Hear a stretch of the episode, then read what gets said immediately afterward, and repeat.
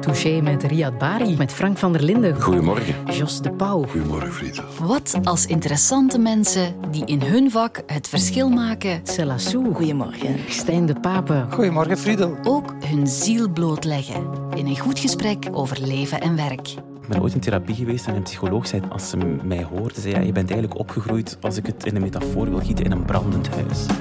Over schoonheid en troost. Ik weet nog dat ik zo plots in de ochtend de vogeltjes hoorde fluiten. En dat ik dat al jarenlang niet had gehoord, omdat ik zo in gedachten verstrikt zat. Over de dingen die het leven de moeite waard maken. Wel, ik zou zeggen, zoek het en dan het met een hoofdletter niet te ver. Dan luister je naar de Radio 1-podcast Touché met gastvrouw Friede Lesage. Het geluk bijvoorbeeld. Hè. Over alles wat een mens kan raken.